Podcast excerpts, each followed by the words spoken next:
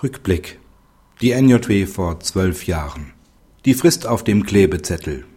Die Frage, ob ein Anwalt den ihm obliegenden Sorgfaltspflichten bei der Anweisung und Kontrolle seines Büropersonals im Zusammenhang mit dem Führen des Fristenkalenders genügt hat, ist ein Dauerthema, mit dem sich die Gerichte in den unterschiedlichsten Konstellationen immer wieder zu befassen haben das OVG Bremen hatte jüngst keine Wiedereinsetzung gewährt, weil der Prozessbevollmächtigte des Klägers sein Büropersonal durch Anbringen eines Klebezettels auf einer Gerichtsentscheidung angewiesen hatte, die Berufungsbegründungsfrist im Fristenkalender zu notieren.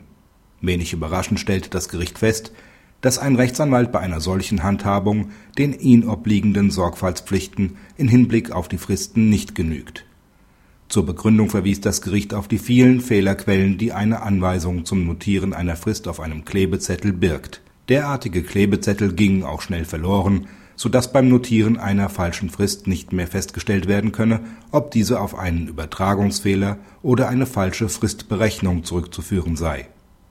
Anwaltfreundlicher war der Beschluss des BGH in der NJW von vor zwölf Jahren (NJW 1998 Seite 2676. In dem entschiedenen Fall hatte der Rechtsanwalt die Fristenkontrolle als Doppelkontrolle durch zwei Büroangestellte organisiert.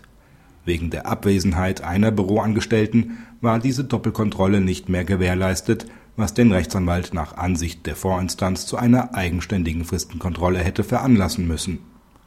Der BGH sah das anders Organisatorische Zusatzmaßnahmen im Bereich der Fristenkontrolle dürfen nicht zu einer Verschärfung der anwaltlichen Sorgfaltspflichten führen, mit der Konsequenz, dass ein Anwalt für derartige Maßnahmen, die über das gebotene Maß hinausgehen, auch nicht einzustehen hat